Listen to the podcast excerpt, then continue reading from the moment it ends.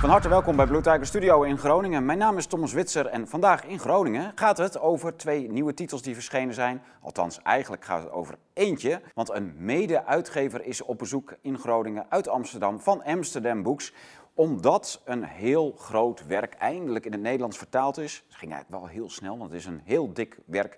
En dat is het boek van Robert F. Kennedy Jr., De gevaarlijkste dokter op aarde. En dat boek is echt een waanzinnige wereldwijde bestseller geweest. En daar gaan we vandaag in de studio eh, over praten met Ralf Dekker, collega, concurrent en uh, nou, goede vriend.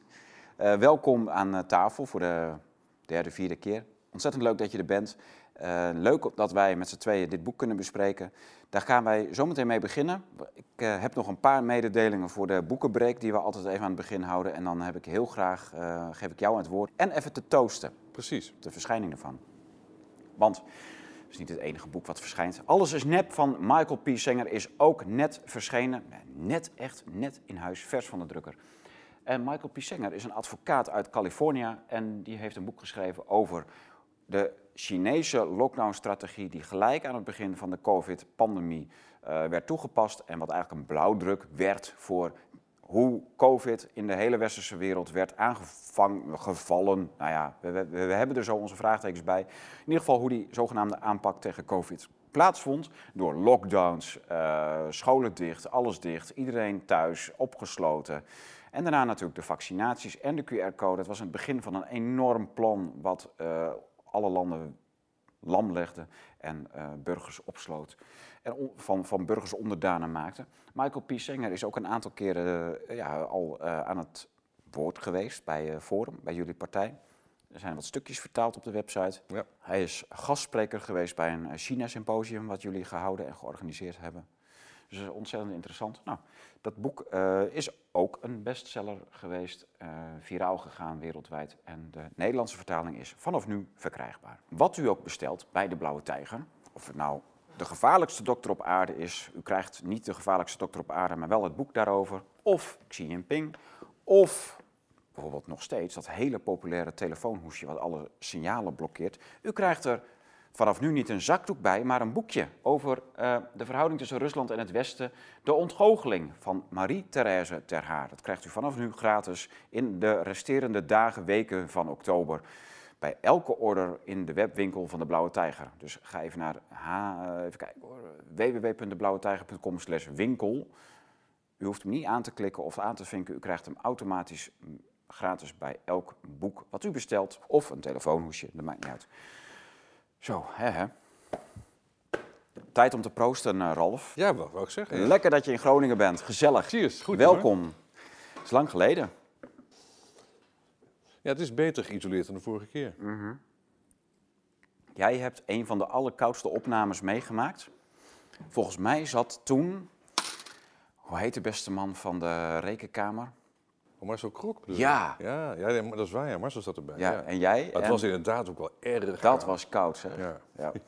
En, en toen hadden we wel infraroodverwarming onder de tafel. Dus de benen waren warm, maar hij werd niet meer warm. Nee, nee, nee, dat is Ja. heel ernstig. Ja, nou, dat waaide hier gewoon door het dak heen toen. Nou, dat is, dat is nu verleden tijd. Het is best wel lekker, toch? Ik vind het uitermate comfortabel. Dit Ja. is een hele mooie studio. Dit is fantastisch. Nou, ik ben blij dat hij wat eh, temperatuurbestendiger is. In de zomer was het te heet om te zitten, in de winter was het te koud. Heb je nou airco hier ook? Nee. Dus in de zomer is het nog steeds wel behoorlijk Valt wel mee, want het is ook wel geïsoleerd tegen zomerhitte. Ja, ja, oké. Maar het kan wel heet zijn, ja. ik weet nog dat ik eh, bij de Children's Health Defense heb geïnformeerd naar het boek. Ik kreeg toen gelijk eh, de pdf ervan. We hadden wat e-mailcontact. En ik heb dit boek toen laten liggen, omdat wij dat boek van David Talbot gingen vertalen over de oorsprong van de CIA, over Robert Dulles en de, eigenlijk de bakermat van de Amerikaanse deep state. Toen hebben jullie hem overgenomen, eigenlijk eh, heel snel, en zijn begonnen met te vertalen. En jij hebt eigenlijk de hele vertaling bezorgd, min of meer.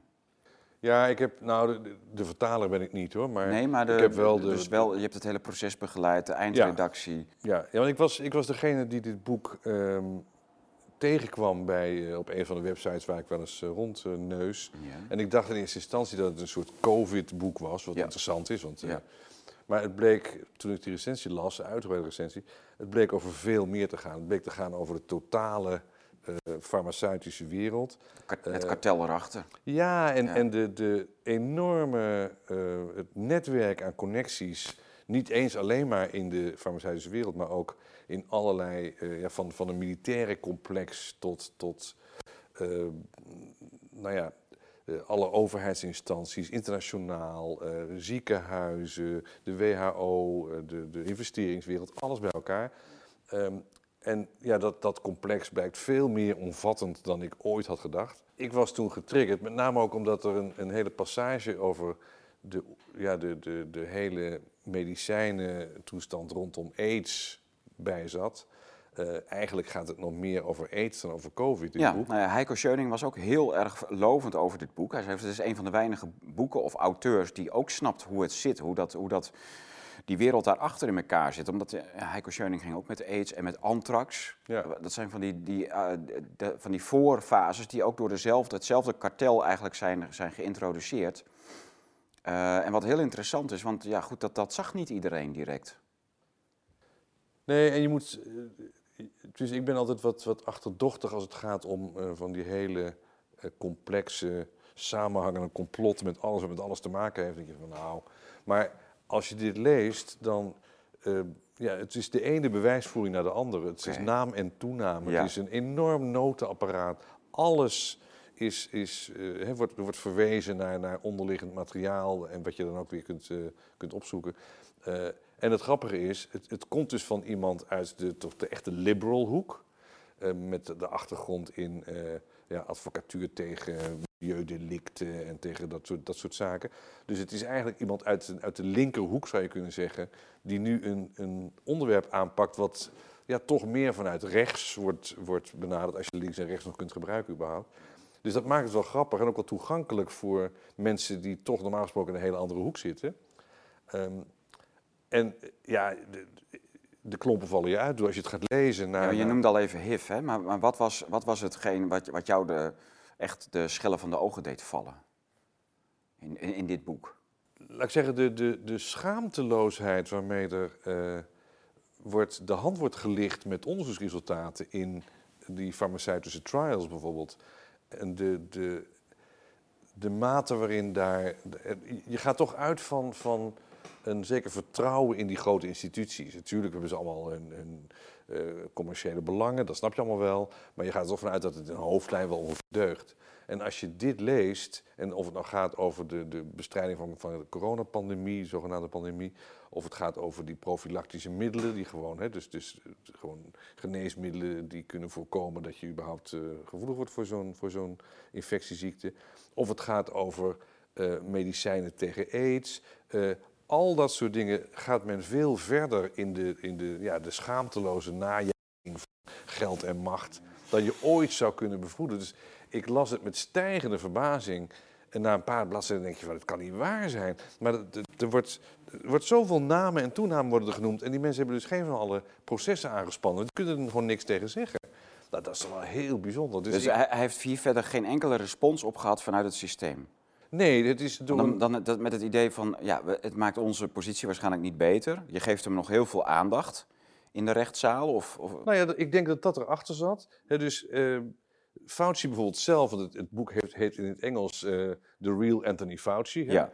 Um, ik vond dat iets te, te zeer gericht op één persoon. Amerikaans, en, ja. En Fauci is wel een hele cruciale persoon in dat netwerk. Um, maar het is het netwerk zelf wat verbaast. Meer misschien nog wel dan degene die daar in eerste instantie vorm aan gegeven heeft. Althans voor mij. Uh, en Fauci speelt in Nederland gewoon als naam veel minder een rol. In, in, in Amerika is dat echt de huisdokter. Ja. Um, dat is hier minder het geval. Dus ik dacht, het heeft niet zoveel zin om het, om het iets met Fauci te noemen. Maar um, Fauci zelf uh, zou natuurlijk alle reden hebben om, om uh, ja, een smaadproces te voeren of zo. Ja. En die heeft alleen maar gezegd dat hij het heel jammer vindt dat iemand van de established Kennedy-familie, die hij goed kent en heeft zijn vader nog gekend, ja, ja, ja. dat die zo'n zo'n ja, zo'n lafhartig boek het licht laat zien, zoiets dergelijks, zonder in te gaan op de inhoudelijke punten. En dat vond ik wel verrassend, want hij wordt echt, nou ja, Fauci als een van de velen wordt in dat boek echt afgemaakt. Um, en dat gaat echt heel ver hoor. Ook met, met trials die dan gedaan zijn in eh, Afrika bijvoorbeeld, waar echt uh, ja, toch behoorlijk Wanneer zijn aantal die geweest kinderen. dan? Sorry? Wanneer zijn die trials geweest? Ja, met die zijn met de vaccinaties, 80. denk ik, hè? Ja, dat was, in, eh, was met vaccinaties was ook de, de, de bestrijding van aids. Hè. We Ja. hebben allerlei aids-medicijnen Oh, op dat aidsgebied, ja. Ehm, Oké. Maar ook de vaccinatie, de poliovaccinaties Nou, en in zo. Kenia, dat is heel berucht geweest. Ja. Dat is naar buiten gekomen omdat dat de, de, eh, die, die Keniaanse ziekenhuizen werden gecontroleerd door de, door de katholieke gezondheidsorganisatie in het land, dus de bisschoppen. En die waren heel eh, streng daarin. Dus die gingen, kregen ze een vaccin van de VN of van. eh, en, dan gingen ze onderzoeken wat erin zat. Maar dat deden, heel veel landen deden dat natuurlijk helemaal niet. Die gingen niet zelf onderzoeken wat er in zo'n zo'n spuit zit. Maar zij wel. En toen en bleek dat er onvruchtbaarheidsmiddelen in zaten. Nou ja, precies. Dus de, gekste dingen waarvan je denkt van nou, dat gaat wel erg ver, die blijken dan gewoon aantoonbaar waar te zijn. Eh, althans, eh daar wordt uitgebreid verwezen naar rapportages en weet ik wat wel meer. En niemand maakt daar dan blijkbaar een zaak van. Dus ik ga ervan uit dat het wel ongeveer wel kloppen. Eh, dus, en dan, zijn, dan blijken de wildste dingen blijken gewoon waar te zijn.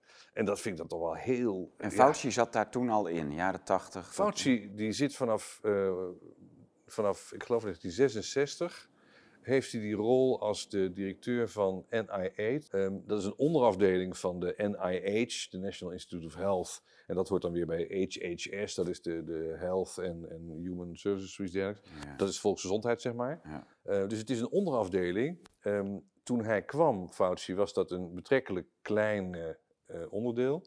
Omdat infectie en, eh, en allergie was een, nou, een beetje een klein gebied.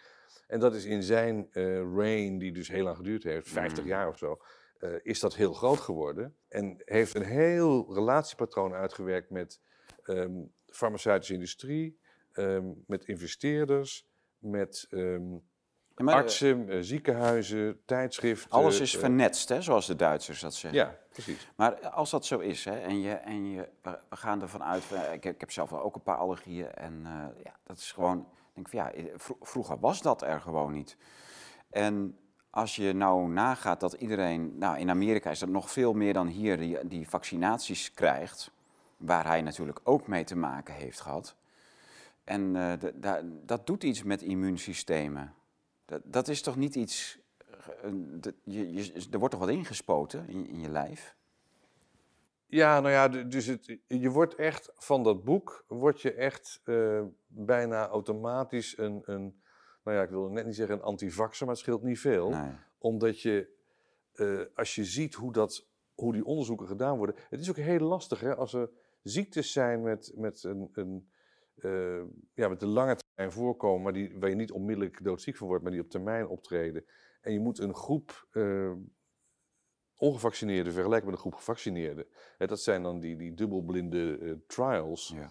Moet je heel lang die groepen volgen. Ja. En moet je ook de sterfte bekijken, all, all causes. Want het kan ook best zijn dat zo'n vaccin bijvoorbeeld de neiging tot, eh, ja, tot zelfmutilatie vergroot of weet ik wat. Dus er kunnen hele andere ziekten eh, en, of, of zelfs eh, sterfteoorzaken een, een rol spelen in een van die twee groepen. En dat zou dan toch te maken kunnen hebben met zo'n vaccinatie, weet je wel. Ja. Dus dat onderzoek is best complex en heel kostbaar. Dat blijkt dus by far het kostbaarste onderdeel te zijn van, van medicijn- en Die vaccinontwikkeling. trials.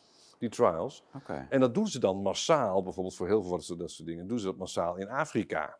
Omdat het daar goedkoop te regelen is met de overheden en er wordt wat minder eh, nou ja, zwaar gekeken naar eh, de regels en richtlijnen. De overheid wordt een beetje wat geld toegestopt en dan gaat het makkelijker. Maar eh, hebben we daarom al die ebola-uitbraken en zo daar gehad? Nou ja, je weet het niet, maar dat, Dus, ja, je je, zou gaat ervan haast- nadenken, hè, van dat soort het, dingen. het geeft inderdaad stof tot nadenken. En ehm, wat hij dan ook vaak eh, doet, is eigenlijk een van de standaard trucs, ehm, is aan het einde, dat zag je trouwens bij die, eh, bij die Pfizer-trials ook gebeuren, eh, van ja, het is duidelijk dat dit vaccin werkt, dus laten we de controlegroep ook maar vaccineren, want Ja. het zou zonde zijn om ze dit geweldige medicijn te ont- onthouden. Ja. Waardoor je dus die controle helemaal niet meer kan. Dan is dus je controlegroep weg. Ehm, en dat wordt dan vaak met een verwijzing naar. ja, dat is toch onethisch om dit niet te doen. Eh, wordt dat dan uiteindelijk uitgevoerd. Waardoor je hele onderzoek eigenlijk gewoon nul en void. Hè? Dat wordt gewoon waardeloos. Ja. Dat is een van de vele dingen die naar voren komt. Dus het begint dan met een verhaal over, over corona en covid. ehm, waarbij hydroxychloroquine er echt uitgedrukt wordt. Eh, er is een heel, heel groot artikel verschenen in The Lancet op een zeker moment. Van een tot dan toe onbekende eh, club. Die blijkbaar van, van honderdduizenden COVID-patiënten wereldwijd alle informatie had over hoe ze reageerden op. Uh, enorme database met alle gegevens. En dat werd dan in dat artikel. Dat was er dan wel in één keer. Nou ja, dat blijkt dus later. Hè, dus daar, daar kwam dan uit dat hij niet werkt en zelfs gevaarlijk was in bepaalde groepen. Hè. Dat was dan uh, het artikel wat ook onmiddellijk werd aangehaald door iedereen als uh, ja, het bewijs dat hij ook moet verboden worden in, in dit verband, want dat is niet goed. Dat blijkt van A tot Z verzonnen te zijn. Um, die, die, dataset was gewoon een verzonnen dataset. Zo. Die club die dat dan zogenaamd had uitgezocht, die is gedissolved, die bestaat niet meer. Uh, van A tot Z fraude. En dat is dan, ja, wie dat gedaan heeft, een beetje onduidelijk. En dat is teruggetrokken. En, nou ja, maar het, het leed was al geleden. Want, ja, uh, zo werkt dat. Ja, ja. Maar dus de, en dan denk je, ja, maar hier is gewoon iets, uh, ja, iets crimineels gebeurd. Uh, en dat was dan een van de tijdschriften en niet de eerste de beste, het Lancet. Dus je merkt dan dat de, de laat ik zeggen, de, de klauwen van dat, dat complex van, van uh, Fauci, Big Pharma, in combinatie dan met investeerders zoals met name uh, de Gates en Melinda, of de Bill en Melinda, Gates, Gates Foundation. Foundation. die zitten overal in en hebben dit dan blijkbaar ook op de een of andere manier voor elkaar gekregen. Met als ja, uit, uiteindelijke doel wat alle middelen heiligt, dat iedereen moet worden gevaccineerd. Hè? Dat is dan, dus alle uh, vaccinatiebereidheidsondermijnende dingen, zoals die profilactische middelen, die moeten dan maar, uh, nou ja, met een leugentje op best wil misschien, moeten die opzij geschoven worden, ja. uh, opdat iedereen maar een vaccin krijgt. Alsof dat zo geweldig zou helpen, want gaandeweg blijkt dat daar enorm veel bijwerkingen aan zitten. Maar ook dat wordt weer helemaal gesuppressed. Hè? Dus de, alle berichten daarover worden weggedrukt. Nou, dat is het hele verhaal wat dan geldt over, over corona, wat we natuurlijk inmiddels al weten. Ja. Maar wat hij in dat boek al uitgebreid en zwaar gedocumenteerd uh, aantoont. Um, en vervolgens komt het dan op heel veel andere ziekten, en van AIDS, een heel belangrijke is, uh, blijken precies dezelfde mechanismen te werken. En dan langzaam ontvouwt zich het beeld dat er een connectie bestaat en al jaren door met name Fauci en zijn club wordt onderhouden en, en uh, ja, gecultiveerd. Een connectie bestaat, een netwerk bestaat tussen uh, nou, de top van die, van die instituten als, als die van Fauci.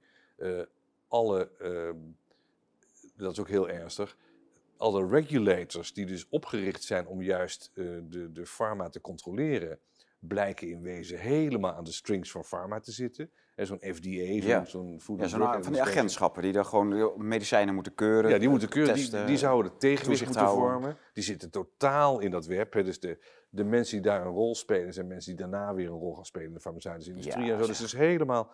Um, het NIH, die, die, dat, dat departement van Fauci, blijkt ook zelf uh, over patenten te beschikken. Wist ik ook niet. Dat kan uh, helemaal niet. Dat, dat, ik, Als een toezichthouder ja. kan dat toch niet doen? Nee, nou ja, dat is dan. De FDA heeft volgens mij dat ook patenten, maar in ieder geval heeft NIH het ook. Um, dus dat, dat, ja, het is meer dan een schijn van belangenverstrengeling. Het is gewoon belangenverstrengeling. Ja, ja. Maar ook omdat alle mensen dus roleren binnen die instanties. Ja, dus het is... Geldstromen gaan heen en weer tussen al die instituten, stichtingen, Ja, en ik ben er nog niet, want dan heb je dus wereldwijd alle universiteiten die iets voorstellen, die zijn weer via de zogenaamde... Uh, de, de, de principal investigators, dat zijn dan de, de artsen, een paar honderd zijn het er maar wereldwijd. De topartsen en topfarmacologen, alle grote namen, zitten weer verbonden in dat netwerk. En verschijnen in praatprogramma's, zijn geëerde gasten bij allerlei uh, nou symposia. Uh, en bepalen dus ook het beleid in, in ziekenhuizen en in, in tijdschriften en in farmaceutische speciale omgevingen. Gewoon echt iedereen die iets in die wereld te zeggen heeft, zit aan een touwtje vast van, van dat uiteindelijke topinstituut. En ik vond dat wel, wel verbazend, ook in Nederland. Hè, dus, want ook de Nederlandse universiteiten kregen dan wel een grant uit dat soort. Ja. Hè, de, de, de Bill and Melinda ja. Gates Foundation heeft ook grants verstrekt aan het Erasmus uh, bijvoorbeeld, hè, waar dan weer die gain of function research ja, plaatsvindt. Erasmus is wel heel berucht ook in dat hele COVID gebeuren natuurlijk. Ja, dat, nou ja, dat... dat Koopmans komt er vandaan, maar dat, dat, dat gain of function onderzoek is daar... Ja, die Fouché en, al die namen. Um, en die komen dus allemaal ook in die, die, nou ja, die, die, die, uh, die kringen van, van dit gebeuren voor. En het gaat zelfs gaandeweg nog verder, want ook het militaire complex, hè, vanaf, uh, ik meen 73, uh, was uh, biowapens als, als wapencategorie verboden. Hè. Dat is toen door Nixon afgezet. En daar is best serieus de hand aan gehouden. Maar um, er is wel in het kader van vaccinatie, ja, je moet toch je militairen en ook je burgers beschermen tegen een eventuele aanval daarvan. Dus via dat geitenpaadje zijn ze vanuit de militaire kant toch in die vaccinatiehoek terechtgekomen. Ja, ja. Uh, want ja, dat is dan gewoon puur defensief, zou ik maar zeggen. Ja, ja. Uh, dus daar loopt dan toch ook wel weer een behoorlijk lijntje. En dat is weer verbonden met geheime diensten en zo. Dus er blijkt dan dat in die, die pandemie-voorbereidingssessies die er geweest zijn, waarvan dat, uh, dat event 201 er maar één was, maar er zijn er veel meer geweest. Um, daar spelen dan al dat soort partijen ook weer een rol. Dus niet alleen maar hè, Bill Gates speelt daar ja. een, een majeure rol de, de WHO wordt gewoon... Maar is het echt zo dat dus... De, Heiko Schöning heeft dat al de, met, met anthrax aangetoond. Maar Event 201 was eh, vrij snel bekend. Hier wordt de HIV-pandemie ingenoemd. Zijn het allemaal voorbereidingsstrategieën geweest op dit? Ja, dat is, dan, dan zoek je naar uh, motieven eronder. Uh, Nee, maar is dat, dat heeft gewerkt in, dat, in die vernetsing, in die, in die vervlechting van instituten, universiteiten, ja, dat, dat sowieso, ja. bedrijven? Dat sowieso. Er is gewoon een, een, en daar heeft Fauci wel een belangrijke rol gespeeld, want die heeft natuurlijk tientallen jaren wel op de key positie gezeten. Ja. Uh, er is een praktijk ontstaan van uh, iedereen die iets te melden heeft in die wereld, is verbonden met dat netwerk. Absoluut zeker. Want als dat niet zo is, dan worden jouw uh, artikelen ook niet geplaatst. Uh, dan word je ook niet uitgenodigd op een, een van de praatprogramma. Dan wordt je boek niet meer uitgegeven. Ik dat gaat heel makkelijk. Hè? Um, dus als al die uitgeverijen, al die, die gespecialiseerde tijdschriften, dus ook de Lancet en de, de New, wat is het, de English Journal of weet ik wat, al die top British Journal of Medicine. British Journal maar die is toch nog, dat is toch de enige die nog een beetje te doen is? Of nou niet? ja, die, die wordt in één adem genoemd met oh. de rest. Dus okay. al die tijdschriften zijn, zijn helemaal geïnfiltreerd met dat soort mensen. Hmm. Er speelt ook een, een ja, dat is natuurlijk een, een, gigantische geldstroom. Je ziet dat de hele, en dat is, dan is de Amerikaanse samenleving nog wel een stukje erger dan de, dan de Nederlandse. Hmm. Uh, die is totaal gemedicaliseerd. Um, dus overal kun je medicijnen voor krijgen. En de oplossing is altijd weer een, een pil of een prik of, ja. of, een combinatie van de twee. Als je depressief bent, als je niet kan slapen, als je... Zeg maar. En ook de, ja. en zelfs de laatste fenomenen die we dan nu zien, hè, dat is helemaal een... Ze zijn zelfs bezig geweest, als je nog in God gelooft, er, was, daar, daar moest ook een pil tegen worden uitgevonden. Dat is een tijdje geweest, hè? Oh, ja, zijn ja, zijn ze mee bezig geweest. ja. Dat verbaast mij. Want dat, dat werd dan gelo gelokaliseerd op een bepaald stukje brein. Nou, daar, daar was wel een spuitje voor. Ja, nou, dat is echt zo, ja. ja. Maar dat is dus hier, het, ja, maar de, de schaamteloosheid waarmee er in, het, in die onderzoeken dan een, een loopje wordt genomen met alle ethische principes. Mm. Um, en als dat dan uitkomt, en dat is dan wel weer typisch foutje schijnbaar, als ik dat dan zo begrepen heb, uh, dan zou je normaal gesproken met de staart tussen de benen je excuses aanbieden. Maar hij gaat dan juist doubling down. Hè, van dit was juist een voortreffelijk onderzoek en dit en dat. Heeft Rutte dat daarvan? Dat hij dat daarvan geleerd heeft? Dus als je aangevallen wordt, gewoon uh, in, in, een aanval in het kwadraat eroverheen. Ja, nou, ik weet niet of het een... een het zou best kunnen. Dus ik ben het gaan lezen, dat boek. Um, en gaandeweg, na, al na 10, 20 bladzijden denk je van... Gaat dit zo door? Want dan zie je hoeveel bladzijden je nog moet, weet ja, je wel. Ja. Uh, dus het kostte me best... Het is wel een page-turner dan. Ja, wel spannend. Ja, het is een page-turner, maar op een gegeven moment denk je, het kan niet erger worden. Maar dat wordt het dan dus wel. Ja? Uh, ja, het is, het is verbijsterend. Dus ik was echt, uh, ik was echt stom verbaasd dat dit een Kennedy is. Want dat is toch, ja, die hoort toch echt wel bij het establishment. Uh, Kennedy is natuurlijk toch, ja, die familie, dat is de, de hoogst aangeschreven familie ter wereld zo ongeveer dat zo'n man dat, dat van A tot Z uitschrijft en geen enkele naam schuwt te noemen, al detail. Ja, wat ook mooi is, je hebt die namen, dat is wel even belangrijk, want uh, je hebt er een mooi uh, register in. En als uitgever weet ik dat het veel werk is om een namenregister uh, erin te, op te nemen. Maar je hebt dus alle namen die genoemd worden in dat boek van in totaal, ik ga dat even, 664 pagina's, ja, dus tegen de 700 bladzijden aan. Maar de, dus alle namen staan er eh, dus in een register opgenomen. Als je dan weet van, nou ja, goed, daar en daar even over uh, terugzoeken. Dan kun je dat dus doen. Dat is natuurlijk wel fantastisch. Als je nu het, het nieuws volgt en er gebeurt iets in de sfeer van, van nieuwe medicijnen, Precies. of, dan, dan worden er vaak namen genoemd. Ja. Ehm, Kun je even kijken wat en dan Kennedy kun er ook weer over precies. schrijft. En die Ja. namen komen hier bijna altijd weer in terug. Ja. Ja. Dus overigens wel ehm, de, de namen van, eh, volgens mij zit, eh, zitten er geen Nederlandse namen in, althans. eh Koopmans zit er volgens mij niet in. Oké. En die Eh, Fouché? En Fouché, dat zou kunnen van wel, dat weet ik niet zeker. Want dat is Kijk natuurlijk een Nederlander. Kijk eens bij de F. Ehm, ik weet het niet zeker. nakijken. niet. Het gaat dus niet specifiek over die, eh over Nee. coronazaken. geen Fouché. Oké. Ja, maar dat is, wat, dat is eigenlijk iets wat, ehm, dat, die index dat is heel belangrijk. En wat, wat Heiko Schöning in Game Over ook heeft gedaan, door er zo'n kaartspel van de sleutelfiguren te maken. Dat is heel grappig. En dus dat, om mensen maar in te prenten, het gaat om deze mensen. Dus het- als je iets nieuws leest op internet of wat dan ook, kijk even in zo'n index. En dan kun je gelijk zien waar, waar die al een rol speelde. Want dit is toch echt wel een soort bijbel. Hè? Het is een overzichtswerk van je welste. Ja, nou ja zelfs, zelfs James Corbett zag ik met dat boek, eh, die gaf het ook aan Ja. als een belangrijk boek. Ja. Eh, en dus dat het door iemand geschreven is, en dat scheelt enorm dat het geschreven is door iemand die toch uit de liberal hoek komt, Ja. maakt het ook in, in bredere kringen dan alleen maar de, de, ja, toch de rechterkant De spectrum. Trump-sector, ja. eh, in bredere kringen een, een acceptabel werk en ook wel een, ja, een geloofwaardig werk. Want hij, hij, schuwt toch niet al die, al die namen te noemen. Hij is toch verder helemaal niet eh, juridisch aangepakt, want blijkbaar vond men dat eh, toch te riskant. Ehm, dus dit geldt wel als een naslagwerk van waar, waar gaat het nou over? Eh, en voor mij was het wel, kijk, mijn vertrouwen in, in de farmaceutische sector was niet enorm hoog. Ehm, maar dat is nog wel een stuk lager. Jij was geen antivaxer of zo. Nee, maar ik moet zeggen, als ik nu lees op wat voor basis die, die vaccins worden eh, uitgebracht en hoe er gesjoemeld wordt met die onderzoekingen. eh, en dat is natuurlijk een, een, een statistisch spel. Maar dan, ja, dan. Als ik nu zou moeten beslissen of ik mijn kinderen een, een, een vaccinatie zou geven, dan zou ik wel, wel aarzelen, terwijl ik dat in het verleden blind deed. Ja. Want er zitten zoveel overwegingen achter die veel meer te maken hebben met controle, met, met, met geld verdienen. Want vaccins zijn een goudmijn. Hè? Als je een, een, een landelijk vaccinprogramma eh, goedgekeurd krijgt als, als eh, farmaceutische sector, dan is dat een waanzinnige goudmijn. Ja. Het is echt verbijsterend.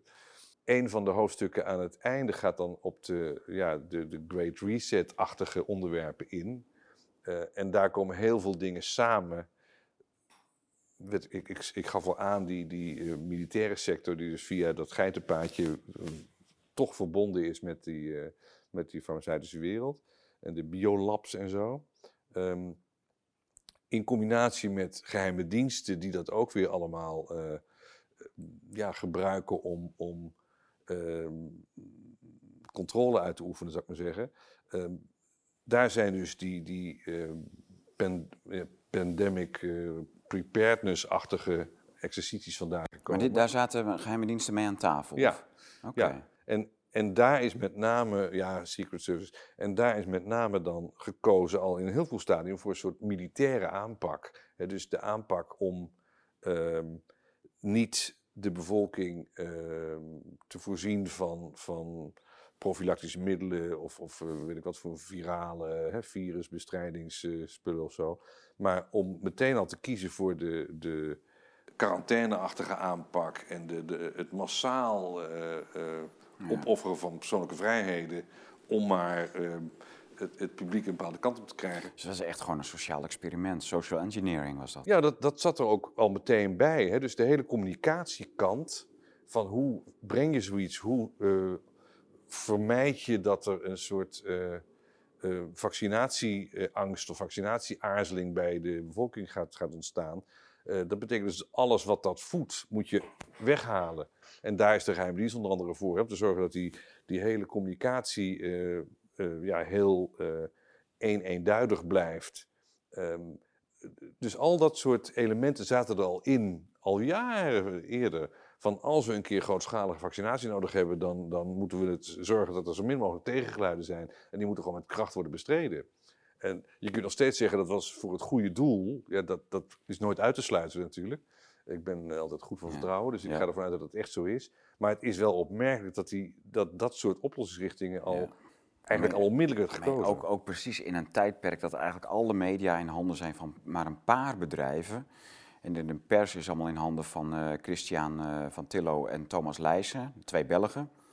Eh, televisie is in handen van of NPO of John de Mol. En dan hebben we het alleen maar over Nederland. Maar in het buitenland, zeker in Amerika, is het net zo. Dat zijn zes bedrijven of zo die alles in handen hebben. In Duitsland ook heb je de, hoe heet het ook alweer? Nou ja, goed, een naam is ontschapt. Maar de, de farmasector is dus een hele grote speler en Ja. een hele grote investeerder in dat soort eh, Media dus, Ja, ja, ja. Ehm, en ook een enorm grote adverteerder. Hè. Dat zie je in Nederland iets minder, althans is minder zichtbaar. Maar in Amerika heb je heel veel programma's zijn gewoon, hè, de, de talkshow, eh presented to you by Pfizer. Dat is, is helemaal geen enkel probleem. Is dat echt zo? Dat is echt zo, ja, ja. Dus dat betekent ook dat Ja. daar, het is wat schaamtelozer daar, het is wat zichtbaarder. Het was in Nederland ook aanwezig. Maar Ik weet dus al, eh, je had vroeger de Edmund Burke Stichting, conservatieve stichting, eh, Ja. waar een aantal toen prominente conservatieven eh, voor werkten. En die haalden altijd elk jaar wel veel geld op bij Pfizer. Dat, dat eh, heb ik zo wel eens eh, gehoord. Dat ging echt om tonnen per jaar. Dat is voor Nederland veel. Kun je toch een paar mensen van te werk stellen. Ja. Maar als dat in Nederland alleen... De, ik kan me niet voorstellen dat dat alleen bij de Burke Stichting bleef. Dus ik, ik denk dat Pfizer in Nederland wel meer sponsorde. Wat zou Pfizer moeten doen met dat publieke debat, met die conservatieve stemmen in Nederland? Wat, dat heeft toch niks met hun belang te maken, zou je denken? Nou ja, indirect wel, denk ik. Want eh, het helpt waarschijnlijk om ehm, de individuele vrijheid van mensen, eh, waarbij ze ook individueel gaan afwegen van, wacht even, is dit nog steeds wel handig? Eh, moet ik niet gewoon zorgen dat ik er gezonder bij loop, in plaats van alles maar met een corrigerend medicijn proberen te, te, te- voor elkaar te krijgen? Ehm, dat, als dat soort kringen niet wordt gestimuleerd, is dat denk ik goed voor de farmaceutische sector. Dus ik, Dus je gewoon volgt wat jouw arts zegt. En die arts heb je via de farmaceutische sector en via allerlei andere dingen onder controle. Want die schrijft gewoon een, re- een recept uit. Dan is dat denk ik wel prettiger. Dus beter onder controle vanuit een farmaceutisch bedrijf geredeneerd. Dan wanneer mensen allemaal een beetje zelf gaan lopen prutsen met wat. eh, dat noemen ze dan meteen kwakzalverij. En eh, dat willen ze eigenlijk bestrijden. Terwijl ik denk, maar goed, dat, is dan wat, wat, dat wordt niet uitgebreid in dit boek besproken hoor. Maar die hele eh, allopathie die er nu, die dominant is in het hele medicijnencircus. eh, het heet al medicijnen, hè, terwijl al gezondheids... eh, eh, geneeskunde zou het eigenlijk moeten zijn natuurlijk. Die allopathie, dat helpt natuurlijk wel in het pushen van medicijnen en van, van allerlei van dit soort spuiten. Dus ja, ik, ik stel me voor dat het toch het, het overeind houden van de bestaande structuren eh, op dit gebied is wel degelijk in het belang van de farmaceutische sector. Ja, toch wel. Ja, Oké. lijkt me wel. Dus dat, eh, maar ja, goed, dat- ik vond het toen, toen ik dat hoorde, vond ik het opmerkelijk dat een Amerikaanse farmaceutisch bedrijf geld stopt in een Nederlandse ideologische stichting. En dus dat, dat, dat is me altijd bijgebleven. En natuurlijk is dat iets heel Amerikaans om dat te doen, om, de- om het publieke debat zo mede te bepalen. Maar in een Europese stichting van een klein land, ook nog taal, eh, ja, een kleine taal ook, een relatief kleine taal. Ik vond het heel apart. En, eh, dat zal, maar dat zal dan bij meer dingen gebeuren. Pfizer zal wel in meer stichtingen dan geld stoppen, eh, in, in meer pers misschien ook. De Bill en Melinda Gates Foundation doet het sowieso. Die stopt Ja. veel geld in, in alle media die ze maar kunnen betalen. Ja, dus de, ja, we, hebben natuurlijk de laatste jaren rapporten gezien dat de, de, Spiegel krijgt betaald. eh Frankfurter Allgemeine kreeg eh, geld voor wat projecten en in Nederland ook. Volkskrant, meen ik. Dat, en dat, is toch, dat zou toch niet moeten mogen? Nee, maar het, het valt dus samen met. Kijk, in 2000 heeft eh ehm, Fauci eh, de verbintenis gesloten met de Bill Melinda Gates eh, Foundation. Dus toen hebben ze. Gavi heet dat, geloof ik? Of, of Ja, Gavi is dan die, die, eh, die vaccinatieclub, hè? Ehm, de Global Alliance for Vaccination of zoiets. Ehm, maar daarnaast heb je de Bill en Melinda Gates Foundation ook nog. Dus er zijn eigenlijk twee bronnen. Die zitten, zit, in beide gevallen zit, zit, zit Gates daarachter. Die zitten voor een belangrijk deel eh, in de WHO. Hè. Die zijn na de Verenigde Staten de grootste sponsor van de WHO. Ehm, En de Verenigde Staten is dan ook weer via Fauci. Dus uiteindelijk is het allemaal hetzelfde. Ja. Vandaar dat ze ook zo'n zo'n Tedros daar hebben neergezet als, als directeur. Nou, die is uitermate controleerbaar natuurlijk zo. Ja, dus die is denk ik, eh, dat is een ideale speler voor, voor zoiets. Ja. Eh, dus de WHO is eigenlijk toch wel in de pocket van, van de combinatie van, van farmacie en, eh, Gates. Eh, via die, eh, die twee hebben ze natuurlijk ontzettend veel mogelijkheden om, om alle medicijnen, alle, alle establishmentpartijen van, van de, de, de hele medisch-farmaceutische sector ja, onder controle te brengen. En ook overheden. want je ziet nu ook hè, die, die, die hele pandemievoorbereiding en alles wat er moest gebeuren. Ja, je kijkt dan als overheid via je RIVM in Nederland dan naar waar komen de beleidslijnen vandaan. Ik denk ook dat het heel, ja, heel menselijk is om te zeggen, ja, maar wat moet nou mijn toetssteen zijn? En als er dan een instituut is met, van, van naam en faam, die zeggen, je moet dit gaan doen, dan moet je stevig in je schoenen staan, zeker als minister bijvoorbeeld, om te zeggen, nou nee, ik, ik geloof dat niet zo, ik ga weer heel wat anders doen. Want als het fout gaat, dan sta je voor de spuit, hè? Ja, ja dan, ben je, dan ben je sowieso gezien. En als het niet fout gaat, eh, jouw alternatieve Ja, maar je weet toch, eh, als, dan- als ja. minister, hè, de- dan komt er een bepaald eh, de, de advies, eh, rapport, wat dan ook. Dan, is het, dan heb je toch de neiging om te... Om, ook al zou je heel sceptisch in je, in je schoenen staan naar alles, dan denk je toch van, oh ja, dan, nou, als dit het advies is, dan kan ik dat maar beter. want dan, dan is daarvoor, zijn daar meer handen voor op een buik te krijgen. En daar, daar, daar is een, eh, die staat erachter, zus staat erachter, zo staat erachter, een heel systeem staat erachter, meerdere instanties, instituten, bedrijven. Dan is het wel handig om daarin mee te gaan voor je carrière. Ja, het is gewoon een cover your ass eh, Ja. benadering natuurlijk. Hè? Eh, en daar komt nog een keer bij natuurlijk dat de mensen die in die rollen zitten, dus of het nou de premier is of de minister van Volksgezondheid, die zijn niet, ja, niet geselecteerd op een soort op eigenzinnigheid. En die, die proberen toch een beetje te volgen wat de meerderheid vindt. Dus dan heb je nagenoeg overal heb je, ja, gewoon volgzaam gedrag. Want op, op een zeker moment dacht ik, in Nederland bijvoorbeeld, het gaat er over, over corona, maar toen dacht ik, nou, Rutte is een geziene figuur in Europa.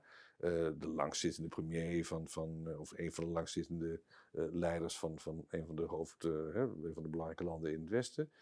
Die zou, als hij hoogpersoonlijk zou zeggen, jongens, ik heb eens nagedacht, maar deze aanpak, die gaat mijn, mijn land gewoon te veel, eh, te veel welzijn kosten, dat gaan we gewoon niet doen.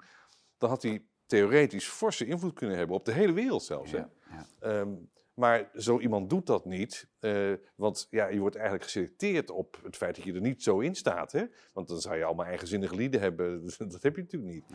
Ehm, dus iedereen gaat mee. En dat, dus zo'n zo'n WHO met, met die farmaceutische sector erachter eh, en, en Gates erbij, die kan de facto. Ze hoeven niet eens te, te dwingen, maar die kan de facto gewoon eh, ja, allerlei eh, talking lines uitvaardigen. Je zag op een gegeven moment ook dat iedereen hetzelfde soort verhaal hield bij zijn persconferentie. Hè? Dat was, of het nou Johnson was, Ja. of, of Macron, of, of weet ik wie, of Rutte. Werd ze had- aangeleverd? Dat werd gewoon aangeleverd. Ja, daar staat hij niet in hoor, maar dat- daar kun je vanuit gaan. Ja. Dat, dat, dat is ook heel logisch. Ja, maar Ra- kijk Ralf, jij, jij bent helemaal opgeklommen in de Rabobank. Je hebt het ooit tot eh, directielid geschopt. Eh, nu ben je aan het, eh, nou ja, hoe, hoe noem je het? Een tijdelijke baan in de Tweede Kamer. Ja. Beetje bijbeunen. Maar het, er gingen al gelijk weer filmpjes viraal toen jij de eerste dag aan, je- aan het werk was. Dat was heel grappig. Maar ehm, jij, zit, jij hebt gewoon best wel in grote organisaties geopereerd. Je bent aan de top gekomen, in de Tweede Kamer zie je dat hele ambtelijke apparaat. En eh, nou, ook, ook met dit soort boeken. Afgelopen weken hebben wij een, eh, een soort eh, rare situatie gehad toen dat bewijsmateriaal op, of eh, vermeend bewijsmateriaal opdook dat Van Dissel gekocht zou zijn met een paar ton. En dat bleek opzet te zijn. Die jongens, eh, Erik, Erik de Vlieger en Yves Geiraat, die zijn erin geluisterd met fake bewijs. Waarschijnlijk om zijn hak te zetten of zo. En ehm, eh, dat, dat, eh, die Van Dissel is niet gekocht met een paar ton. Die, doet, die, heeft gewoon, die, die zit gewoon op die post, die krijgt een salaris. En in ruil daarvoor doet hij gewoon wat de rest van zijn kantoor ook doet. En wat de rest van de wereld ook doet. Gewoon accorderen wat, wat eigenlijk al geaccordeerd is. Eh, Zie jij eh, om je heen, of heb jij om je heen ook maar iets gezien van echte individuele persoonlijke corruptie? Of is het allemaal toch een soort institutionele gecorrumpeerdheid die veel meer in die vernetsing van instanties en instituten en bedrijven zit dan in een netwerkje van personen. Dit boek is natuurlijk heel erg gericht op Fauci en het, van voor naar achter is het aan, aan die man opgehangen. Maar eigenlijk is het gewoon een institutionele corrumpering die, die hier naar boven komt drijven. Ja, maar dat is het aardige inderdaad. Als je dit leest, uh, dan snap je ook, tenminste in mijn geval, nog beter hoe het nou in elkaar zit met, met uh, ja, de, de netwerkorganisaties. Want je kunt niemand beetpakken. De, was het maar zo dat, dat uh, iemand als Van Dissel een paar miljoen of zo had gekregen, kon je zeggen, hé, hey, dat, ja, daar hangt hij. Zo werkt het helemaal niet. Uh, maar, maar, zo dom zal het toch ook niet zijn? Nee, maar ik denk het in het verre verleden misschien wel. Maar inderdaad, je zoekt naar een onafhankelijke instantie, en dat wordt ook zo gepresenteerd. He, mensen die puur uh, belangeloos op zoek zijn naar de waarheid in een bepaalde omgeving. En die worden betaald om dat netjes te doen. En die trekken zich van niemand wat aan, die kijken gewoon wat de waarheid is. Je denkt dat een KNMI of een EVM of, of dat type instituten... Bestaat dat nog? Bestaat zoiets nog? Ja, echt iets onafhankelijks? Je, nou ja, als, als uh, argeloze burger denk je dat daar dat soort mensen werken. En de praktijk is natuurlijk heel anders, want die mensen worden beïnvloed. Uh, niet zozeer met, met geld, maar gewoon, dat geldt voor de RIVM ook. Uh, op een gegeven moment worden ze gevraagd om te adviseren over zaken die van topbelang zijn voor het beleid. En ze weten precies als ze linksom of rechtsom adviseren wat er gaat gebeuren. Um, het, en, ze, adviseren eigenlijk al van tevoren, op voorhand vanuit de consequenties. Precies. Die hun dus, advies heeft. Dus ze denken door wat de consequenties zijn. Ze gaan ook, uh, ja, op de stoel van de politiek zitten. Want de politiek die gaat het zoveel mogelijk, laat het zoveel mogelijk over aan dat soort instanties. Dus ze, hebben, ze trekken een veel te grote broek aan, wat mij betreft. Want dat advies zou gewoon een sec advies moeten zijn. En dan moeten de ministers of het kabinet moet het afwegen. Maar zo werkt het natuurlijk helemaal niet. De praktijk is andersom. Ja. Het kabinet, of, of in ieder geval de regering, heeft het idee we moeten die kant op. Dat is eigenlijk ook het enige wat er haalbaar is. En het komt er eigenlijk op neer dat het RIVM in dit voorbeeld uh, dat met een advies moet onderbouwen. En die onderwerpen zijn natuurlijk vaak ook zo, ja, zo discutabel. Zo'n zo mondkapjesverhaal is het mooiste voorbeeld. Hè? Waarbij het, ik geloof, twee of drie geflipt is van het is flauwekul, of het is heel noodzakelijk, het is flauwekul, het is heel noodzakelijk. Oh. dat, ja. was gewoon, wat wil je eruit hebben? Ja. Uh, en dat gold voor heel veel andere dingen ook. Al die maatregelen zijn natuurlijk echt disruptief geweest voor de samenleving op allerlei terreinen. Ja. En als je er nu sec naar kijkt, moet je vaststellen, ja, ze hebben eigenlijk geen van allen een, een, een lor uitgemaakt. Maar wel enorm veel schade gedaan. Um, en dat heeft, als je in de regering zit, kun je zeggen: Ja, ik wist het ook niet, maar dat werd mij aangeraden. Uh, weet je wel? Dus iedereen is, probeert zelf buiten schot te blijven. En dat is ook de, de grote makke die je breder ziet. Er is dus ook helemaal niemand meer die een beslissing durft te nemen en de verantwoordelijkheid durft te nemen. Dus mijn opmerking over hè, de, de, de hypothetische situatie dat Rutte zou zeggen: jongens, sorry, uh, ik doe niet meer mee, uh, ik vind het te ver gaan voor mijn land dat zou suggereren dat zo iemand plotseling uh, ja, zijn nek uitsteekt en verantwoordelijkheid neemt. Dat, dat is gewoon helemaal niet aan de orde. Want het hele systeem is opgericht om dat te vermijden eigenlijk. En dat zie je heel goed in zo'n. Uh, je komt wel mensen tegen, ook hele mooie voorbeelden van mensen die min of meer toegeven dat ze zich hebben laten overhalen omdat er al te veel persoonlijke belangen aan hingen ja. enzovoort. Uh, dus individueel zijn er heel veel ja, slappe knieën. En, en, en, uh... maar ik, ja, ik hoor dat van alle kanten. Ja. Ook, ik, ik heb laatst vorig jaar een keer een verhaal gehoord over iets heel anders. was een ge geval in Zwolle. Dan zou er een uh, heel uh, stuk monumentaal rijtje huizen afgebroken moeten worden op een hele cruciale plek. En, want een projectontwikkelaar had die grond gekocht en had een plan ermee. En eigenlijk niemand wou het. De gemeenteraad wou het ook niet, ambtenaren wouden het niet, de burgers wouden het niet. En op een gegeven moment uh, gaat zo'n gemeenteraad toch maar akkoord, want ja, de belangen van zo'n projectontwikkelaar die waren eigenlijk al te groot. Dus ook zoiets heel institutioneels. Niemand wil het en toch gebeurt het. Ja, maar je ziet het op, op bedrijfsniveau ook. Um, ik heb dat in mijn oude werkgever omgeving ook gezien. De, de, oude bazen van dat soort instituten of van dat soort bedrijven waren vaak hele eigenzinnige figuren. Vaak onmogelijk kerels, altijd kerels. Hè? Ja die vonden, het moest en zou die kant op, boom. En iedereen zei dat het gek waren, ze deden het toch. En het, een heleboel gingen er dan helemaal de mist in. En sommigen werden een gigantisch succes. Hè? Met, met eigenlijk dat soort mensen heb je niet meer. En maar dat, het, dat soort mensen wordt eigenlijk... Uh, Echte patrons. Ja, die worden consequent, wordt het eigenlijk ontmoedigd om je zo te gedragen. Ja, die, komen al eigenlijk dan, die kunnen al niet meer opklimmen. Die, die, Nou, heel die weinig, komen, die ja. komen niet meer door zo'n organisatie op, op Nee, want je moet ook wel een, een, een ongelooflijk dikke huid hebben. En eh, struikelen en weer opstaan en weer struikelen Ja. en weer opstaan. Om dat te kunnen waarmaken. En je ziet nu, alles hangt met alles samen. Alles moet, moet ge- gereguleerd worden, afgestemd links, rechts. Stakeholders, al dat soort gezeur meer. Ehm, dus het echte grensverleggende, eigenzinnige kom je bijna nergens meer tegen. En je hebt wel zo'n soort persoonlijkheid nodig, denk ik. Zo'n soort eh, ja, oriëntatie nodig om dat verschil te maken. Ja. En je ziet het in de politiek ook, hè? Dus iedereen zit een beetje op hetzelfde spoor. En er zijn een paar mensen die zeggen, ja, het spoor kan me niet schelen. Volgens mij zit het zo. Maar die worden verguisd en het deugt niet. Ja. En nou ja, dat is niet voor niks dat Nou ja, je daarbij weet zit. dat eh, als geen ander natuurlijk, Ja, wat er ook over jullie mooi. heen wordt uitgespuit. Ja, en soms zit je er helemaal naast. Dat kan ook voorkomen. Maar ik denk in heel veel gevallen dat je, er, dat je spot on bent. Maar dat, dat, dat past gewoon even niet bij heel veel stakeholders. Eh, en dan word je verguisd. En, en dan, als je je nog een keer onhandig uitdrukt, dan is het helemaal klaar. Hè? Ja, Eh, dus ja, het, het is een high-risk eh, wereld wat dat Ja, betreft ja. voor dat type mensen. ja. Maar het is een wereld waar eigenlijk gewoon onderscheidende mensen niet meer boven kunnen drijven. Omdat die corrumpering van de instituten, die vernetsing, het, het, eigenlijk het, het selectieproces op mensen die boven komen drijven, is totale dienstbaarheid aan, aan die instituten en aan die eh, netwerkstructuren. Ja, dat is een van de dingen die ik eh, interessant vind bij onderwijs en wetenschap, maar met name de wetenschappenkant. Eh, er wordt nu heel erg geschermd met, ja, de wetenschap zegt zus en zo. Ehm, alsof de wetenschap zou bestaan uit eh, totale, belangeloze waarheidszoekers. Ehm, en dat was misschien een paar honderd jaar geleden enigszins zo, maar dat is al lang niet meer zo. De wetenschappers zijn zelfs nu bezig, hè, de mensen die in zo'n instituut werken, om het dogma van hun wetenschap met hand en tand te verdedigen. Ja. En dan heb je zoiets als de peer review. En dat wordt dan als het summum van kwaliteit gezien. Maar de peer review is gewoon dat een vriendje uit hetzelfde vakgebied. Die gaat ook zeggen: nee, dat, eh, die, die vernieuwing is natuurlijk onzin. Hè? Ja. Alsof je met eh, de. ja, dat was met die PCR-test toen zo- zo'n schandaal. Zo'n voorbeeld, ja. Ja. Alsof je de die- die kaarsenmakers eh, verantwoordelijk maakt voor het ontwikkelen van elektrisch licht, weet je wel? Ja. Dat, dat gaat dus nooit gebeuren.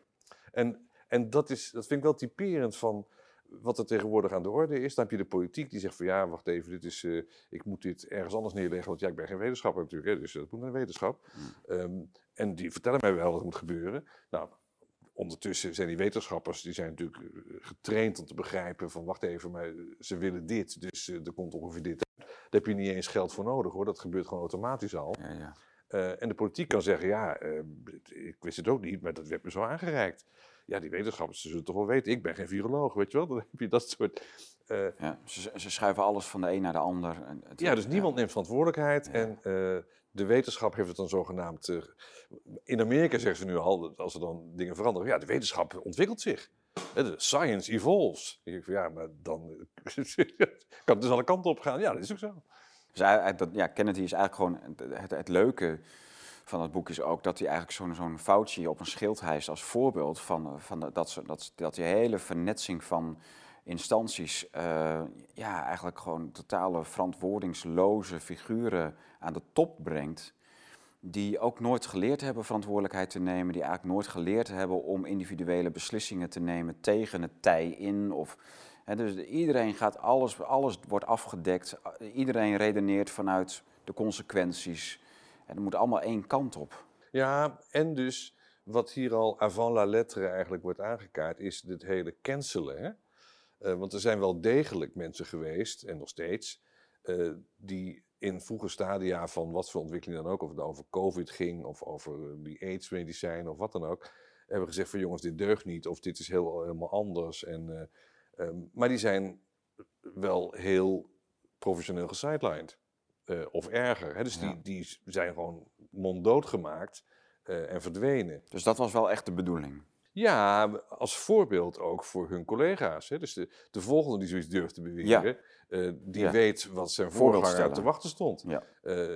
Totale einde van je carrière. Ja. Ehm, en dat gold zelfs, hè, het, het voorbeeld van, van AIDS is dan wel mooi.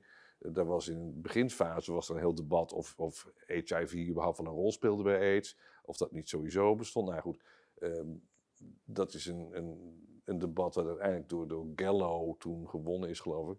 Maar de man die dat, die dat andere gezichtspunt innam, was voor die tijd dus dé crack op dit gebied. En werd totaal gesidelined, omdat er uiteindelijk vanuit, dat was dan wel Fauci met zijn hele, hele toestand, eh, die werd gewoon weggeblazen. En vooral doordat de belangen gigantisch groot waren. Aha. En die man is dus ook eigenlijk voor altijd een, een marginale speler gebleven. Zo. Terwijl hij was de top. Ja. Dus het, en ja, dan is de volgende die denkt van, nou, dat was mijn grote held, maar die is dus afgebrand. Eh, zal ik nou ook nog iets zeggen zo? Ja, dat, dat- Doe maar niet. Doe maar niet, Nee. nee. Nee. En dat geldt hier, maar dat geldt op heel veel andere terreinen precies hetzelfde. Ja. Dus dat is de uitdaging, eh, maar dat is het leuke van, eh, van de fase nu, vind ik. Er is nu op zoveel fronten eh, is er een, een, ja, is fundamenteel mis. Als je daar op geen enkel front uitspreekt tegen die hoofdlijn die wat mij betreft in bijna alle grote dossiers ter discussie staat, ja, dan, dan verdien je het ook niet om, eh, om een serieuze plaats in te nemen. ja, je kunt hierover blijven. eh, mensen moeten het gewoon lezen. Dat is natuurlijk wel... Ja, ik ben apetrots. Het is voor het eerst dat ik in de colofon van een boek sta. Oh, kijk, gefeliciteerd. Nogmaals. Maar ja, dat, is, ja. dat is wel natuurlijk wel leuk. Ja. Ja, de volgende stap is natuurlijk dat ik zelf een boek ga schrijven, maar dat is nog niet aan de orde. Waarover? Nou, er zijn zoveel onderwerpen. Ik denk dat als mijn korte kamerperiode erop zit, dan heb ik een, eh, een hele lijst aan potentiële onderwerpen om een boek over te schrijven. Oké, en dan kunnen we vast een contract tekenen dan. Ik denk dat er wat concurrentie is, Tom. Ja, toch wel? Ja. Nou, dan, dan doen we het net als met dit boek. Dan, gaan, eh, dan kom je weer, dan mag je je eigen boek hier presenteren en dan eh, verkopen wij hem ook. Is dat wat? Ja, helemaal goed. Dan doen we dat. Ja. Nee, eh, fijn. Je bent een, eh, een, goede, een goede collega en een goede concurrent. En je hebt een eh, wa- waanzinnig product afgeleverd. Dus ik, hij ligt bij mij op mijn nachtkastje en ik ga hem zeker... ja, ik moet er eigenlijk niet in kijken, want ik wil er eigenlijk gewoon in gaan lezen. Ehm, gaat het een beetje met dat Kamerlidmaatschap? Simone Kersenboom is bevallen van een eh, kind. Is met Van een gezonde dochter. Jij vervangt haar. Oh, kijk, Ja, gezonde ja. dochter, dat is mooi. Ja, ja, dat, is, dat is helemaal goed gegaan. En ik vervang haar voor 16 weken, er zijn er alweer een paar van verstreken, Ja. eh, tot, eh, tot het kerstreces in beginsel. En ja, het is een, een bijzondere wereld, kan je anders zeggen. Maar jij zit daar toch wel, toch wel een tijdje dicht op het vuur, toch? Met, eh, bij- je bent heel erg betrokken bij de fractie. Je- stond nummer 6, geloof ik, hè? Vandaar dat je, nee? Nee, ik stond nummer 9. Negen, ja, precies. Dus de eerste acht zijn in de, de eerste acht zijn toen gekozen en toen Ja. zijn... Dus dan ben jij eerste vervanger. Wieberen is met, met Olaf en, Ja.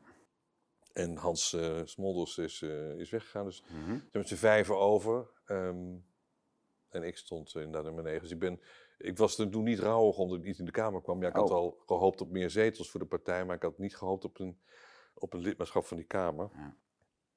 Eh, in beginsel, ja, als het aan de orde is, is het aan de orde natuurlijk. Maar het is niet mijn hoogste Hm. ambitie. Maar ja, goed, dan zit ik er. En het is ook wel weer, weer bijzonder natuurlijk. Je, je- kunt wel meedoen met, met discussies op een bepaald niveau. Dat is op zich wel grappig.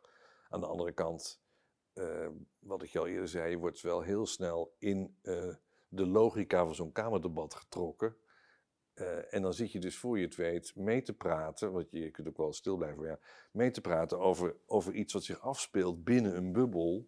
Terwijl je je eigenlijk zou moeten afvragen, zi- zijn we met die bubbel aan zich wel goed bezig? En ja, dat, je kunt niet voortdurend de punt van orde stellen, dus je blijft dan ook meedoen.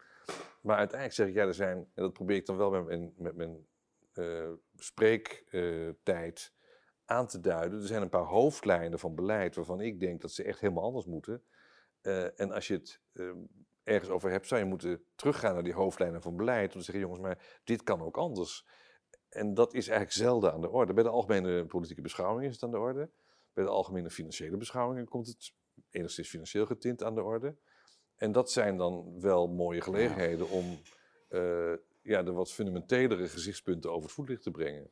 Kijk, eh, eh, Wilders heeft dat jaren terug, heeft hij dat al een beetje zo soortgelijk gezegd. Hè? Dat de Tweede Kamer is een nepparlement. Eh Thierry heeft ook wel eens zoiets gezegd. En dat de hele Kamer stond weer op de achterste been, omdat, het, ja, omdat ze zich in hun, omdat, omdat ze het niet serieus zou nemen. Ja, wa- waar, gaat het nog, wa- waar gaat het nog wel over in zo'n Kamer? Waar, waar, wat is de reden dat, jij daar, dat, je- dat je daar zit? Heb je geen neiging om dan gewoon een fles mee naar binnen te smokkelen? Om ook, ook een beetje... Om eh, gewoon goede champagne te doen. Nou ja, man. Ja, eh, je, moet- je moet het wel uithouden, want die debatten duren een hele dag of nog langer. Ja, we zijn ook, moet ik zeggen, niet de kampioen in het, eh, in het ook fysiek voortdurend bezetten van die stoelen. Ik heb dat nu wel een paar keer gedaan bij, Mhm. bij langdurige debatten over pensioenen, eh, maar ook over eh, nou ja, de algemene financiële beschouwingen dus. Ja. Ehm, en nog een paar onderwerpen. Maar kijk, de, onze wetgevende eh, invloed is natuurlijk heel beperkt. Want we zitten op heel veel dossiers in een volstrekt andere richting te denken dan wat de hoofdlijn doet. En je kunt dat dan te berden brengen. Als je het netjes doet, dan snappen mensen misschien nog een beetje wat je bedoelt. Ehm, maar leggen het vervolgens terzijde en gaan door. Eh, Dus dan kun je je nog een beetje met de rafels van zo'n onderwerp bezighouden. Zeggen, dan kan ik net een tandje naar rechts. Maar dat is eigenlijk, als je daar heel hard voor moet werken en alle stukken voor moet lezen. En eh, commissievergaderingen, wetgevingsoverleggen en, en plenair. Alles, alles, alles. Om iets in een richting te krijgen die dan vijf graden afwijkt van wat ze misschien voorgenomen hadden. Je kunt je maar tijd je wel wil het helemaal de beter, andere kant op. Ja. Dan heeft het allemaal weinig zin. ja. Dus puur voor je wetgevende eh, invloed Je overtuigt niemand daar. Nee, dat, dat had ik al wel geleerd in de provincie. Dat je, ehm, je overtuigingskracht is heel beperkt. Want mensen hebben gewoon van tevoren hun bijdrage al voorbereid. Ja. Eh, en, En die gaan ook niet hun standpunt veranderen, want dat betekent gezichtsverlies. De agenda is er eigenlijk al. ja, dat is maar heel zelden. Ze komen daar hun praatje Dus- verkopen. Daar komt het eigenlijk wel op neer, ja. Ehm, dus je moet het zien als, nou ja, dat geluid moet wel gehoord worden. Ja. Eh, je weet nooit of je mensen in de Kamer nog overtuigt, maar dat zullen er niet veel zijn. Ehm, of iemand van de regering of zo. Die kans is uiterst gering, maar goed, nooit helemaal nul. Ehm, maar vervolgens is het ook een podium voor een breder publiek. En dat is wel waar. Kijk, als er geen camera's zouden staan, Nou ja, dan zou het volstrekt anders gaan. Eh, en dan zou je je richten op het beïnvloeden van je mede-Kamerleden, wat dus dan een heel beperkt geval is. Ja. Maar dan wordt het een minder. eh, ja, het, het is nu helemaal geworden tot een soort. eh, dus jij, jij spreekt eigenlijk via de voorzitter niet tot je medekamerleden, maar via de voorzitter naar de kijkers. Of, of jullie als fractie. ja, dat, dat is op zijn minst voor een, voor een belangrijk deel het geval. Ja, dat is zo. Dat is zo. Ehm, en ook, de- kijk, de, de mensen in die Kamer, die hebben dan ook het vervolgens interrumperen van mij of van anderen, maar in ieder geval het, het, het in debat gaan tussen aanstekers, hebben ze tot een, tot een kunst verheven. Maar eigenlijk is dat ook allemaal voor de bühne. Komt dat kinderachtige kleutergedrag eh, met, met de niet-zeggende interrupties en zo. Dat, het- kun, je daar een beetje, kun je dat een beetje handelen? Nou ja, ik had Moet je dus- er ook op ingaan of kun je nog je speech afmaken? Wat, wat, Ja, nou, ik had laatst, had ik, eh, dat was wel vervelend, dat was in een commissievergadering, had ik een, een heel verhaal voorbereid. En ik werd geïnterrumpeerd en toen gaf ik antwoord, en dat was op zich, op zich prima. En toen ging ik vervolgens door op een verkeerd punt in mijn speech, want ik had niet eh, aangetekend, eh, waardoor ik een klein stukje twee keer las. En het was precies afgemeten in de tijd, dus ik kreeg mijn verhaal niet af. ah, ah, Nou, dat soort stomme dingen, dat, dat had ik dan niet in de gaten gehad. Dus dat, is gewoon, dat is een gebrek aan ervaring. Ehm, dus dan denk je, oei, dat moet de volgende keer wat slimmer aanpakken. Eh, en je hebt soms een, eh, een debat met de minister in een commissievergadering bijvoorbeeld. Dan kun je twee of drie of vier keer kun je een vraag stellen. Eh, maar dan is het op. Ehm, dan mag je niet meer. Dat houdt de voorzitter in de gaten. Dus dan, anders dan, dan loopt die vergadering natuurlijk enorm uit de hand. Dat Ja. snap, snap ik wel. Ja. Maar dan geeft die minister een paar keer met je vage antwoord. En dan heb je nog maar één vraag over. Dan denk je, ja, ga ik dat nu doen? Of wacht ik even op het andere onderwerp? Dus je zit op een hele rare manier zit je in de wedstrijd. Je probeert ehm, ja, de interruptie die je nog over hebt wel te bewaren, weet je wel.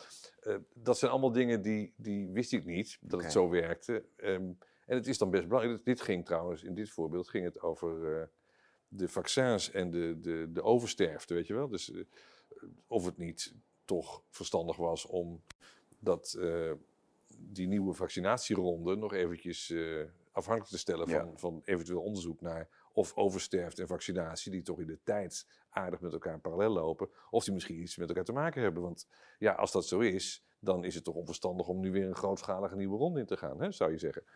Ehm, nou ja, goed, dat vond eh, de minister niet, want die ging ervan uit dat het eh, niks met elkaar te maken had. Maar in ieder geval, ehm, ja, je kunt daar dus niet uitgebreid over bomen. Je kunt daar één, twee, drie vragen over stellen, maar dat is echt op.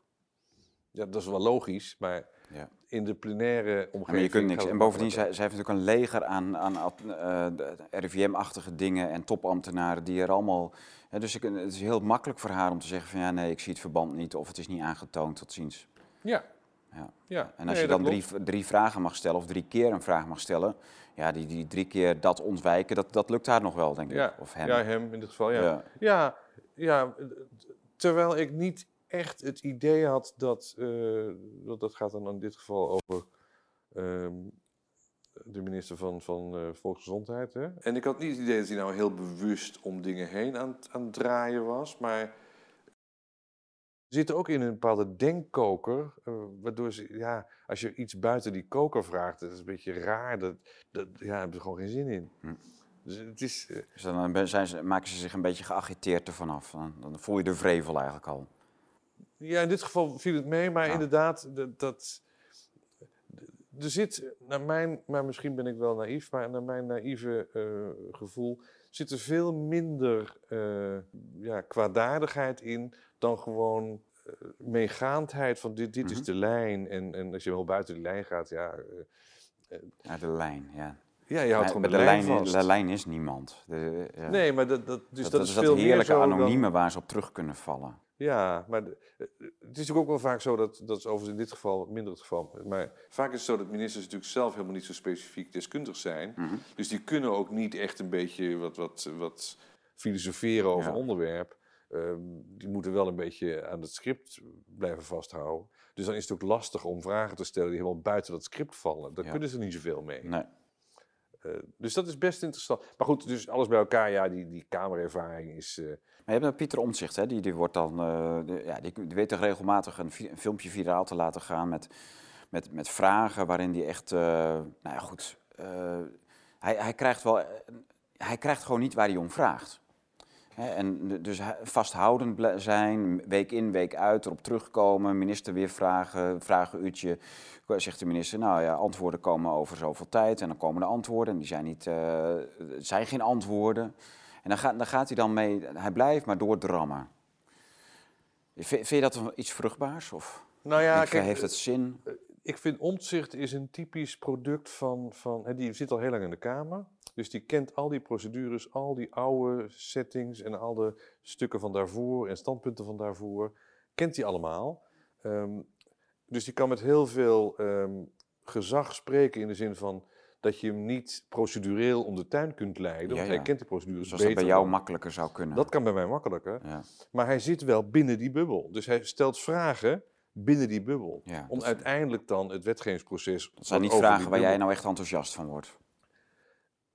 Nee, dus de- we hebben het bijvoorbeeld over het gasplafond, of het, het, het prijsplafond voor het gas. Hè, dat, dat is dan een onderwerp. Eh, daar heeft hij hele relevante vragen over. Ehm, om te voorkomen dat, dat, dat het op een klungelige manier wordt ingestoken. Dat is op zichzelf wel goed, eh, vind ik dan. Alleen, ik wil dat hele prijsplafond niet. Want ik vind dat de verhoging van die gasprijs, of voorbeeld even, ehm, dat dat samenhangt met het beleid dat op al die hoofdlijnen gevoerd wordt. Hè, dus de, de absurde klimaattoestand met, met het, het eindeloos aanleggen van zogenaamde duurzame energiebronnen, Ja. eh, het sluiten van Groningen, het eh, nou, actief meedoen aan ruzie maken met Rusland. Ehm, dat zijn allemaal dingen die, die zorgen ervoor dat uiteindelijk zo'n zo'n gas- of elektriciteitsprijs ontploft. Ja. Eh, en waar dan precies de eerste spark vandaan komt. Maar dat, dat zijn de hoofdlijnen. En op die drie hoofdlijnen, die ik dan even noem, zou je een andere kant op moeten gaan. Nou, daar heeft Omtzigt het niet over. Hij heeft het gewoon over, als je die gasprijseffecten wil eh, neutraliseren voor de mensen, moet je wel een beetje slim eh, dingen doen.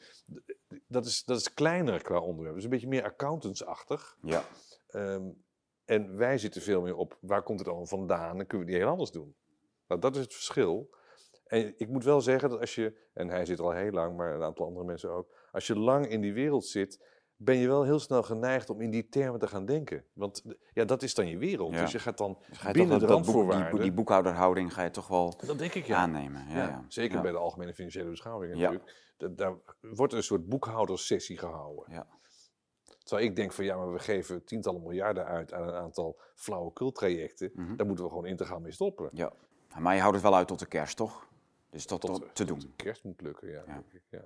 ja, en ik probeer het ook een beetje...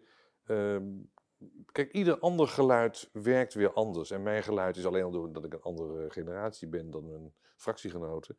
eh, is daardoor anders. Is het te combineren met je drukke bestaan als uitgever? Nauwelijks, moet ik hè? zeggen. nee. Ik wou zeggen, want dit is wel, kijk, de, dit, dit najaar, dat is, eh, najaar is boekenseizoen. De, het is altijd druk. Ja, je, kunt, is- je kunt zeggen van ja, maar wij, wij, wij, wij doen daar niet aan en zo. Maar eh, ja, ik, ik merk het ook. Het is gewoon, het is gewoon drukker. Ja, ik heb ook nog het Renaissance Instituut, dus ik doe Ook heleboel ja. dingen tegelijk. Ja. Ehm, ja, het is voor mij, is dat kamergebeuren nieuw, trouwens het uitgeverijgebeuren eigenlijk ook. Ja. Dus het is nog een beetje zoeken, waar, waar moet je je nou op richten. Maar kijk, zo'n kamerwerk, je kunt daar met gemak 80 uur in de week aan besteden, dat is geen enkel probleem. Ehm, in de kamer zelf.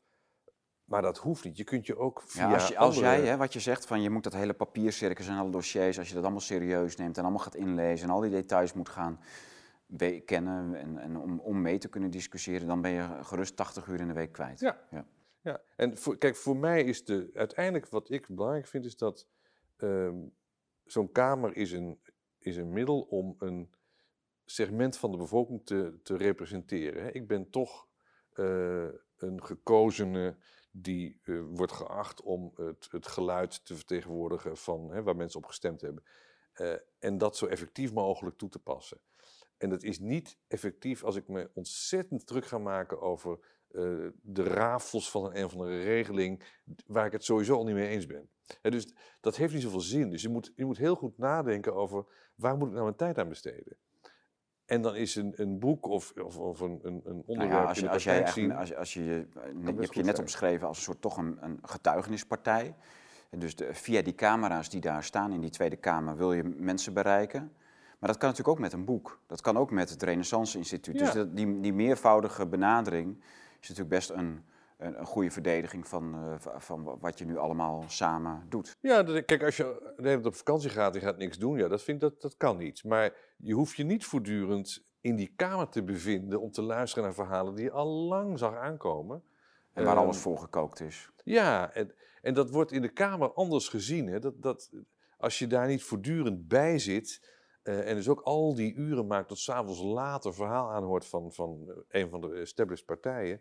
ehm, en dan vervolgens gaat stemmen. En zo. Eh, als je dat niet doet, dan zeggen die Kamerleden, ja, die werkt helemaal niet. Nee. Dan denk ik, ja, werkt niet. Je kunt, werkt heel hard. je kunt veel effectiever dingen doen voor Ja. je kiezers dan hierbij zitten. Maar geldt dat voor de hele fractie, dat jullie allemaal eigenlijk debatten uitkiezen waarvan je denkt van nou hier kan ik echt wel een punt maken.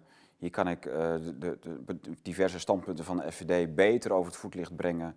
Dus daar ga ik echt actief in eh, aanwezig zijn. Ja, dat, dat is wel de bedoeling. Ehm, en je moet natuurlijk wel een klein beetje kijken, als je, als je totaal geen contact hebt met de, met de collega of met de ambtsgenoot, Kamerleden, dan krijg je ook helemaal niks voor elkaar. Dus je moet wel een beetje daar een midden tussen proberen te vinden. Maar om er gewoon als voltallige fractie braaf te gaan zitten, eh, dat heeft gewoon geen zin. Ralf, eh, bedankt. Succes met eh, nou, ja, je kamerwerk, met eh, Renaissance Instituut als uitgever. Jullie hebben dus vanavond de officiële presentatie. Leuk dat jullie het in eigen huis presenteren trouwens. Ik, denk, ik neem aan dat Kennedy er niet is, of wel? Nee, Kennedy spreekt ons wel toe via een verbinding, Oh, maar dat is al opgenomen. Ah, kijk. Ja, nou ja, goed. Maar hij, hij presenteert dan toch min of meer zijn Nederlandse Ja, vertaling. ja, ja. Leuk, leuk. Ja. Heel veel succes vanavond. Leuk ook dat wij eigenlijk eh, hier de preview eh, mochten doen. Zo. Leuk dat dat eh, kan. Voor, voor de officiële presentatie. Is toch mooi. Nou ja, nogmaals bedankt voor je komst naar Groningen. Bedankt voor het kijken. U kunt dit boek dus bestellen, De gevaarlijkste dokter op aarde. En eh, dat gaat over heel veel, onder andere over Fauci, maar ook over de hele vervlechting en corrumpering van instanties, instituten, overheden, bedrijven. Eh, nou ja, noem het maar op. Eh, de Bill en Melinda Gates Foundation, alles en iedereen komt langs. Mooie naamregister staat achter in de boek opgenomen. Dus nakijken van namen die wij in de komende tijd nog tegenkomen in, de, in het publieke debat, in de media. Dat is heel handig. Dat gezegd hebbende, wij hebben dus vanaf vandaag Michael Piesenger beschikbaar in de, in de webshop. Een, ehm, nou, eveneens een bestseller uit Amerika, net als deze. En daar krijgt u gratis, tijdelijk, waar hebben we hem? Kijk, onder de tafel. Krijgt u deze daarbij, cadeau. Van eh Marie-Thérèse Ter Haar, Rusland en het Westen. Een boekje over de relatie tussen Rusland en het Westen. Hoe kan het ook anders? Bij elke order in de webwinkel krijgt u dat boek cadeau. En, en dan hebben we onze bestseller van de afgelopen weken. Het telefoonhoesje, Ralf. Wist jij dat dat eh, alle telefoonsignalen blokkeert als je hem erin doet? Nee, ik wil er graag een Dat is hebben. een kooi van Faraday. Ja, Dan stop je telefoon erin en, eh, en dan is hij dood. Dus maar gewoon, dan moet eh, hij van metaal zijn dus. Ja, het is een soort eh, metaalachtig. eh, je kunt er, eh, de opening is een beetje nauw, maar als je ze er allemaal in doet, kun je er ongeveer vier telefoons in kwijt. Oké, En eh, dus als je belangrijke gesprekken hebt, dan eh, nou, met een aantal mensen kun je gewoon je telefoons erin douwen. En eh, dan zijn ze ja, afgeschermd. afgeschermd. Ja. Perfect. Nou, ik doe je hem eh, graag cadeau. Fantastisch. Ja. Dankjewel. Veel succes bij de presentatie, veel plezier ook vanavond. Bedankt voor het kijken. U kunt zich registreren op Bluetooth.studio. We hebben weer een YouTube-ban, dus eh, deze video, als u hem ziet, staat hij niet op ons hoofdkanaal van YouTube, maar op Bluetooth.studio, in Telegram, in kijk, ons eh, tweede kanaal van YouTube. Daar eh, eh, gooien wij de video's tegenwoordig dan ook in als ons hoofdkanaal geblokkeerd is.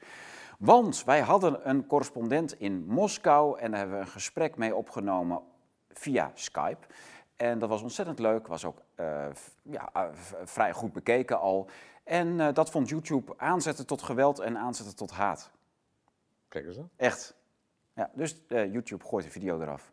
Dus Bluetooth moeten we gaan kijken. Ja, Bluetooth.studio, ons eigen kanaal, eigen videoplatform. En daar staat alles wat niet op eh, YouTube staat. Sowieso alles wat we maken hier in de studio staat op Bluetooth.studio. Registreer je daar, klik op het hamburgermenuutje, registreren.